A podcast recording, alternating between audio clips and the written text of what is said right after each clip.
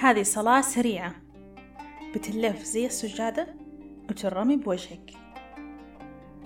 في ملكين واحد عن يمينك والثاني عن يسارك. يراقبوك ويكتبوا أفعالك وأقوالك. واحد للسيئات والثاني للحسنات. في القبر راح تنسألي عن إلهك ودينك ونبيك. لكن قبلها سيضمك القبر. ضمة تكسر الضلوع من شدتها. إذا تبي تخشعي في صلاتك تخيلي إنك واقفة على الصراط المستقيم اللي زي الشعرة في خفتها وزي السيف في حدته والنار من تحتك. لا تفرحي وتغتري بإتمامك لصيامك. ما تعرفي أصلا هو ينقبل أو لا. التابعين كانوا يدعوا ست شهور بالقبول وست شهور أخرى بتبليغ رمضان. من ينام عن الصلاة. عذابه سيكون بملك. يضربه ضربة. ينقسم منها رأسه نصفين. ويعود رأسه. ويستمر العذاب إلى الما لا نهاية. نعم. هذا كان جزء من طفولتي. أما الجزء الآخر كان في البحث عن الطرق والوسائل التي تحميني من كل هذا العذاب. كنت لا أعترف باللعب. حتى وقت الفسحة القصير أقضيه في المحاضرات الدينية. كنت لا أفكر بالمستقبل كثيرا بل أفكر في الموت أكثر وكنت أعد ذنوبي في عمر 14 سنة. وأصلا ذنوبي كلها كانت عبارة عن محاولات بريئة لأتعرف على شخصيتي في مكان يرفض أن أكون فيه إلا نسخة من شخص آخر. كانت تأتيني لحظات نورانية ولكن سرعان ما تقتل أذكر مرة. قلت لمعلمتي أنا محظوظة وربي يحبني ردت بتعجب. الله يحبك؟ مين أعطاك هذا الضمان؟ ربما منحك هذه النعم فقط ليبتليك. هذا جزء من حياتي. وربما كان جزء من حياتك أيضا. الجزء الأكثر ألما وقسوة وغرابة وغربة. كل تجاربي استطعت أن أفهمها. وأصنع منها معنى وأغفرها. إلا هذه التجربة. التي استمرت سنوات في التأصيل والتكرار ثم استمرت سنوات في الأثر والإعاقة. غير أن نور الله كان أكبر. واستطعت الخروج منها إلي. استطعت الخروج من الخوف إلى الحب. في رحلة مررت بها بالحزن الطويل الغضب الشديد الشجاعة المطلقة المنطق الواضح والحب الإلهي. رحلتي كان دافعها الشوق المضني لله. تنوعت بين المساجد والمعابد والكتب والجبال والكنائس والكثير الكثير من البكاء على مخدتي. وكأنه مفقود. غير أني وجدت لاحقا أني أنا من كنت المفقود. بين سجون المعتقدات وقيود الأنا وقسوة المجتمع. رحلتي كانت صعبة وطويلة وشاقة. غير أن لحظة حب واحدة مع الله أعيش فيها الاتصال والوحدة والمعية كفيلة. أن تمحي كل التعب. لكن لازلت أحتاج خلق معنى من هذه القصة. وأعرف أن هنالك ملايين البشر يعيشوا حياة مؤلمة منخفضة الجودة منعدمة الحرية بسبب علاقتهم بالله. وأعرف أن هنالك ملايين البشر تمارس التسلط وتنشر الكراهية والعنصرية باسم الله. وأعرف أن هنالك إنسان يسمعني الآن يحاول أن يحسن حياته ويرفع سعادته ويصنع أثر على هذه الأرض. ولكن اسم الله وعلاقته به واسم الدين وبعض معتقداته تقف بالطريق. يعاني في صمت ويفكر في خجل. أعرف أنك يا صديقي تريد حياة أكثر امتلاء ونورا ونجاحا ومعنى. وأعرف أنه يستحيل كل ذلك إن كنت لا تزال في سجن الخوف أو على بوابة الحزن أو على حدود الغضب أو حتى في قوة المنطق. وأنوي أن تكون كلماتي وقصتي نبراس نور لله بطريق الجمال والحب والسلام. العلم الآن يثبت أن الروحانية ليست رفاهية أو مرتبة يصل لها البعض بل هي احتياج فطري لكل إنسان ولا يكتمل ازدهاره في غيابها. بدونها نهيم في الحياة بدون وجهة ونعلق في المادة بدون قيمة وننتقل من مرحلة لأخرى بدون تطوير. أعتذر مقدما لو هدمت شيء من قواعدك لكن تأكد لا ينهدم إلا المهزوز مسبقا. علاقتي معك.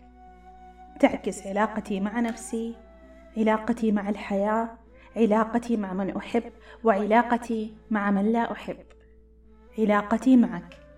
تختصر كل شيء. لماذا أعيش؟ لماذا أستيقظ؟ لماذا أضع أهدافي؟ ولماذا أمشي لأهدافي؟ لماذا أستمتع؟ لماذا أحب السعادة؟ ولماذا أسعى لها؟ لماذا أنجب أو لا أنجب؟ ولماذا أتزوج أو لا أتزوج؟ ولماذا أنا هنا؟ على هذه الأرض. في حين أني روح إلهية منك. كنت أعرف أني روح من روحك وكنت أشتاق لروحك. كنت أبحث عنك كمن يبحث عن الماء في الصحراء يرى السراب ويتبعه ويبكي حينما يكتشف أنه سراب. السراب كثير يا إلهي على هذه الأرض. كثير من ينادونا باسمك ونصلهم ولا نجدك هناك. أين أنت؟ وكيف السبيل إليك؟ أعرف أنك قريب كالوريد ولكن حتى في قربك أشتاقك وكأنك مفقود. أم أنا المفقود؟ أم أنك موجود وأنا التي لا أدركك؟ عرفتك خوفا حيث كنت أبكي في حضورك رعبا من عذابك ونارك وعقابك ومراقبتك حيث كنت تخطر في بالي تهديدا. وأراك في الأشياء وعيدا.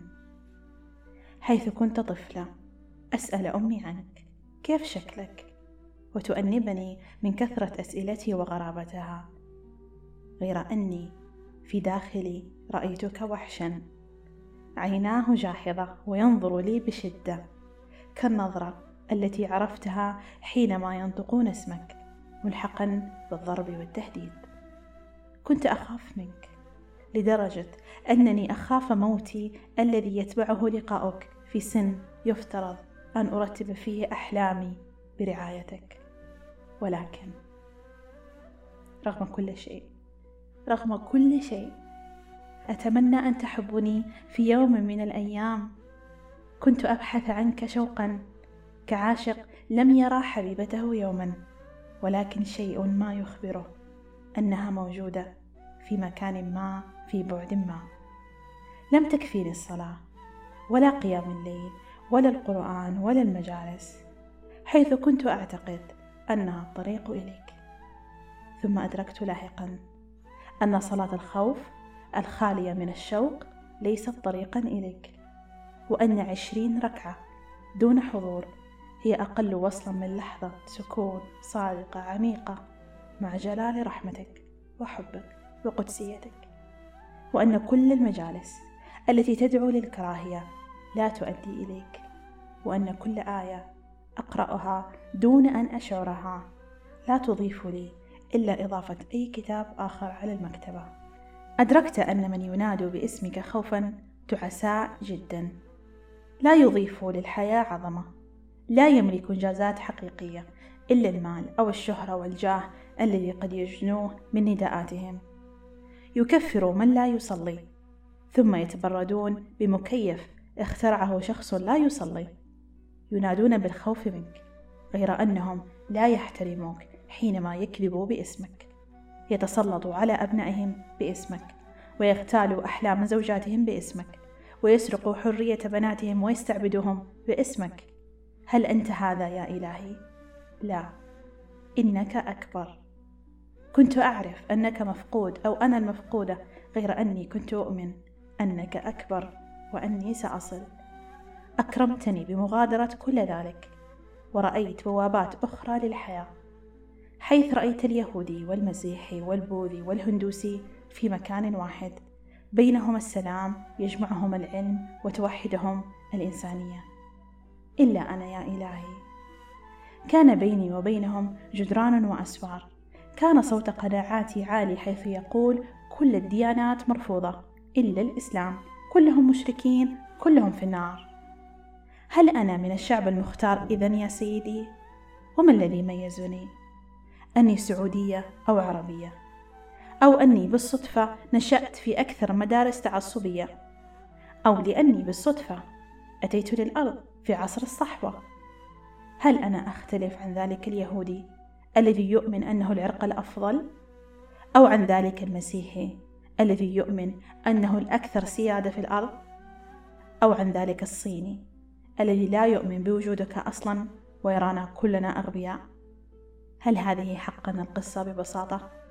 نولد بالحقيقة بدون أي سعي إلا السعي للمجالس التي تثرثر بنفس الكلام صباح مساء. الآن عرفت نوعا جديدا من الحزن. ذلك النوع. الذي لازمني سنينا حينما أدركت أنك براء من كل ذلك وأن الغرب سعادتهم أكثر منا وإنتاجيتهم أضعاف أضعافنا وأبنائهم أكثر صحة نفسية منا وحتى قانونهم يحمي نساءهم وأطفالهم. حينما أدركت أن أقرب صديقاتي تعتقد أني مذنبة لأني تركت بلدي في طلب علم غير شرعي.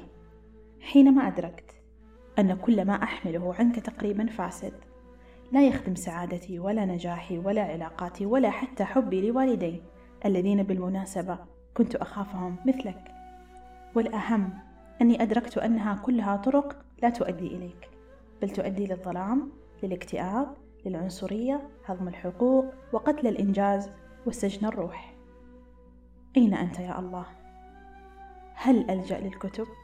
لم أجدك فيها كلام طويل أو مجلدات كثيرة كلها لا تؤدي إليك هل ألجأ للمجالس الدينية في دولة أجنبية؟ تخيل أنها كانت تماما مطابقة لمجالسنا في السعودية نفس الكتب نفس الفتاوى ونفس النظرة عنك هل ألجأ للكون؟ للبحر؟ للسماء والشجر؟ الله وجدت شيئا منك هناك كانت أول تجربة أغترب فيها وأكون وحيدة تماما. لا صديق ولا عائلة ولا انتماء. مدينة كاملة. لا أعرف فيها شخص واحد أحبه أو يحبني إلا مالك السكن. كان عمره كأبي وكان لطيفا مثله. كان يذكرني في الأعياد. منها ليلة الكريسماس بهدية لطيفة وكرت مؤثر. كان هو وعائلته من المسيحيين المتدينين وكنت أول سعودية يتعامل معها. غير أنه كان كما وصاه أبي حنونا مراعيا لي. كنت أفكر أليس دينهم يحرضهم ضدي؟ أليست أعيادهم لا تشملنا؟ يا ترى لا يرى الإعلام؟ إلا أنه أخبرني في آخر يوم لي أنا أسمع عن داعش في التلفزيون. لكن أنت علمتيني إن الإسلام جيد ولن أصدق الإعلام أبدا. ابتسمت له بامتنان وفي نفسي أقول لا بأس. إن صدقت الإعلام. هذا نتاج أفكارنا ومدارسنا. ولكن يا إلهي شعرت بك في تلك اللحظة.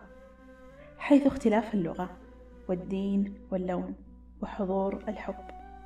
الحب الذي يصل الروح بالروح والإنسان بالإنسان الخالي من الأحكام. عشت الحزن جدا وأنا أسأل البحر عنك وأجد شيئا من جمالك. وأشتاق أكثر لك. عشت الحزن جدا وأنا أشعر بمعيتك. ثم يتبعها التأنيب لأني تذكرت تقصيري. أريد معيتك فقط للحظة واحدة دون شعور سلبي يا إلهي. هل ذلك ممكن؟ عرفت الغضب جيدا. استمر سنتين تقريبا حينما بدأنا نواجه كمجتمع نتائج أفكارنا وتربيتنا من إرهاب وتفجير وحتى إلحاد. حينما عدت لبلدي ووجدت أنهم قرروا أن يغيروا المناهج ويخففوا الخطاب ويحفزوا الناس على التعايش. ذلك النوع من الغضب الذي أريد فيه أن أحرق كل شيء. حتى أنني في لحظات كنت غاضبة منك يا إلهي واعذرني في ذلك. كنت أسأل لماذا الطريق إليك صعب جدا؟ ولماذا نتيجة من سعى لك أن يفجر نفسه ابتغاء لحوريتك هل الحياة رخيصة لهذه الدرجة؟ أو هل حوريتك جميلة لهذه الدرجة؟ أو هل أنت مادي لهذه الدرجة؟ هل حقا الشهوة هي أكبر دوافعنا إليك؟ تعاليت وتساميت يا إلهي ولكن رغم كل شيء رغم كل شيء كنت لا أزال أحبك حتى عندما أصلي ولا أعرف لماذا أصلي حيث أني لا أشعر بك ولكن لا زلت أحبك وأبحث عنك. عرفت الشجاعة جيدا. حينما قررت أن أغير مذهبي وأن أرمي في سلة المهملات أي رأي أو فكرة تشوهك في عين قلبي أو تصنف أي إنسان أو تحكم على أي دين أو تشوه صورة المرأة أو تمنح أي شخص حق الاستعباد لشخص آخر قررت أن أكون حرة. كتبت كل فكرة كل معتقد يؤلمني أو يؤخر تقدمي أو يبعدني عن نفسي أو من أحب أو يبعدني عن لحظات الحب معك. يا الله ما أطول قائمتي. لا يهم. كلها في سلة المهملات. كنت محظوظة بصديق واحد فقط يستطيع أن يستوعب جنوني وقتها حيث أفتش في حياتي وفي معلوماتي كما المحقق لا أريد شيئا يبعدني عنك بعد اليوم هذا قراري. بعد تخلصي من كل أفكار المعيقة وجدت قائمتي الفكرية فارغة تماما. إذا من أنت؟ كيف الوصول إليك؟ وكأني هدمت بناء كاملا وبدأت أبني من جديد. غير أني هذه المرة سأبنيه بوعي. سأختار جيدا ما أعتنقه وسأختبره قبل أن أؤمن فيه. كانت طريقة فعالة إلا أنها معيقة لاتصالي بك كذلك. حيث كل شيء يفسر بالعقل ويحلل بالسلبيات والإيجابيات ويقارن بالشعوب ويقاس بالقيم. أرهقني عقلي. كان ثرثار جدا. حتى أمام البحر والشجر لم أعد أشعر بك. لا سكون أبدا. أتذكر حينما جلست أمام الكعبة. أتأملها. ثم بدأ عقلي يفسرها كمكعب أسود ويحللها ويبحث عن قصتها وحقيقتها. بكيت طويلا ليلتها. عرفت أنني أعاني جدا لأني لم أعد حتى أستمتع بمنظر الكعبة ولا رحلة العمرة ولا منظر الحرم. عقلي يقف أمام كل شيء ولكن تبقى روحي مشتاقة. تبحث عنك وبيني وبينك أسوار طويلة. أين بابها يا إلهي؟ روحي لم تستسلم. شوقي لك. يزيد أكثر. وكأنه جزء ما يخبرني أني في الطريق. قررت أن أبحث عنك في وجوه الناس وأحاديثهم باختلاف دياناتهم. دخلت الكنيسة والمعبد والمسجد. كان شعورا مهيبا. أن أشعر بك في كل مكان فيه أرواح تناديك حيث أنك كنت تجيبني في كل مكان. وأخيرا عشت الحب الإلهي. كانت لحظة غيرت تاريخي وكان يوما يسجل في رحلتي إليك أو عفوا عودتي إليك باحتفال واحتفاء. ذلك اليوم الغريب المهيب حيث كنت على بوابة الموت والرجعة إليك بكامل روحي مع أشخاص لم أعرف منهم إلا أسماءهم في مكان ما في جبال الهند حيث تعارفنا قبلها بيومين.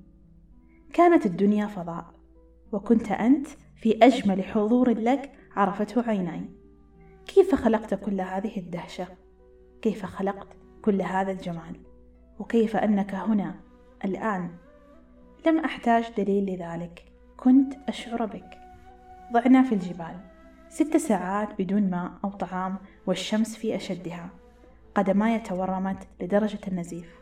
وحذائي تشقق ولا زلت أبتسم. كنت مطمئنة جدا لأني أعيشك جدا. حتى ارتفعت حرارتي وأغمى علي لحظتها كان جسدي خائف جدا لكنها كانت أكثر اللحظات قربا لك. كنت قريبا جدا وعرفت حبك جدا. هل أستطيع أن أوصفه؟ بإمكانهم وصف نارك وعذابك ولكن يستحيل وصف حبك. غير أنه كان مائي لحظتها. وأنه أعادني للحياة رؤى جديدة حيث أنها تعرف الله بالحب بدون لحظة شك بدون لحظة تحليل بدون تهديد. الله هنا. رأيت كيف حبك يجمع القلوب يرتب الأحداث ويوحد الأديان. حيث أرسلت لي تلك الأرواح التي اعتنت بي وكأنهم أهلي لم أكن قوية بذاتي كنت قوية بك. ولم أكن شجاعة في البحث عنك بل كنت شجاعة بك إليك. كل الحياة اختلفت بعدها. أن أعرف حبك هذه مرحلة وأن أدركه في لحظات هذه مرحلة أسمى. أما أن أعيشه كوعي في ذاتي والحياة وكل لحظاتي هذه مرحلة أسمى وأسمى. بل هذه الجنة شعور الجنة أن أغمض عيناي وأجدك. وأن أرتب أهدافي بناء على جمال حضورك وكيف تصلني بك وأن أكتب حروفي وأنا أنوي أن يصلهم شيء من حبك من خلالي. شعور الجنة. أني أخيرا لا أبحث عنك. لأنك هنا. لأني أدرك حضورك في كل شيء. في جمال التفاصيل. تلك التي تدهشنا ونقول يا الله. في لحظات العناق. تلك التي تذيب قيودنا ونقول يا الله. في لحظات القرآن والدعاء والشعر والنثر والموسيقى تلك التي تلمسنا بعمق ونقول يا الله يا الله. ما هذه الحرية؟ ما هذه الوفرة؟ كيف تملأ كل شيء؟ وكيف تشبع كل الاحتياج؟ وكيف تطفئ كل الأشواق؟ هل هذه الجنة من بعد بحثي عنك. أم هكذا هي الحياة الحقيقية بدون هراء وافتراءات وتهديدات. يا الله لا خوف الآن. الصلاة لك لأني أشتاقك ولأني أحتاج شحنا من نورك ولأني أحتاج إجازة من زحمة الحياة باللجوء إليك. لا خوف الآن. القبر لا يعنيني لأنه مكان لجسدي أما روحي ستجري إليك بعد أن تناديها ارجعي إلى ربك راضية مرضية. لا خوف الآن. الطرق إليك متنوعة وكثيرة. والكفر هو البعد عنك والشرك هو تفضيل صوت الظلام والطاغوت على صوت الخير والجمال الذي تسكنه فينا. لا خوف الآن. تراعيني وتكرمني وترتب أحداثي. حينما أقلق أحتاج أن أستحضرك فقط وأسلم الموضوع لك. حينما أغضب أسألك فقط يا إلهي ما الحكمة؟ غالبا تجيبني ودائما تقويني للبحث عنها. كلنا نحبك يا الله. نظل في الطريق لك. نحتار في هذه الأرض وتشتاق أرواحنا للعودة إليك. احتوينا بلطفك. ذلك الذي يلمس كل جرح فيشفي. ألهمنا حكمتك. تلك التي تقف خلف كل تحدي. وسقطه وقصه واهدم كل ما يقف بيننا وبينك برحمة. وصلنا بك. صلة المحبين لك وأكرمنا بأن نكون بوابة نور لمن معنا في الرحلة. حتى نصل إليك جموعا لا أفرادا. تشهد أنك الإله الذي بنوره تشرق الظلمات تهدم الكراهيات وتكسر المعيقات. شكرا لأنك الله. لأنك في كل شيء. شكرا لأنك هنا. اغفر لنا جهلنا بك. اغفر لنا ظلمنا لأنفسنا حينما تعيقنا أفكارنا عنك. اغفر لنا ظلمنا لأرواحنا حينما كذبناها وصدقنا الظالمين. اغفر لنا اختياراتنا لموروث لم نتحقق منه. واكتفينا كما اكتفى قوم إبراهيم. هذا ما وجدنا عليه آباؤنا. وشكرا لك يا صديقي الإنسان. لاستماعك لقصتي. لا تستسلم. كلنا معك.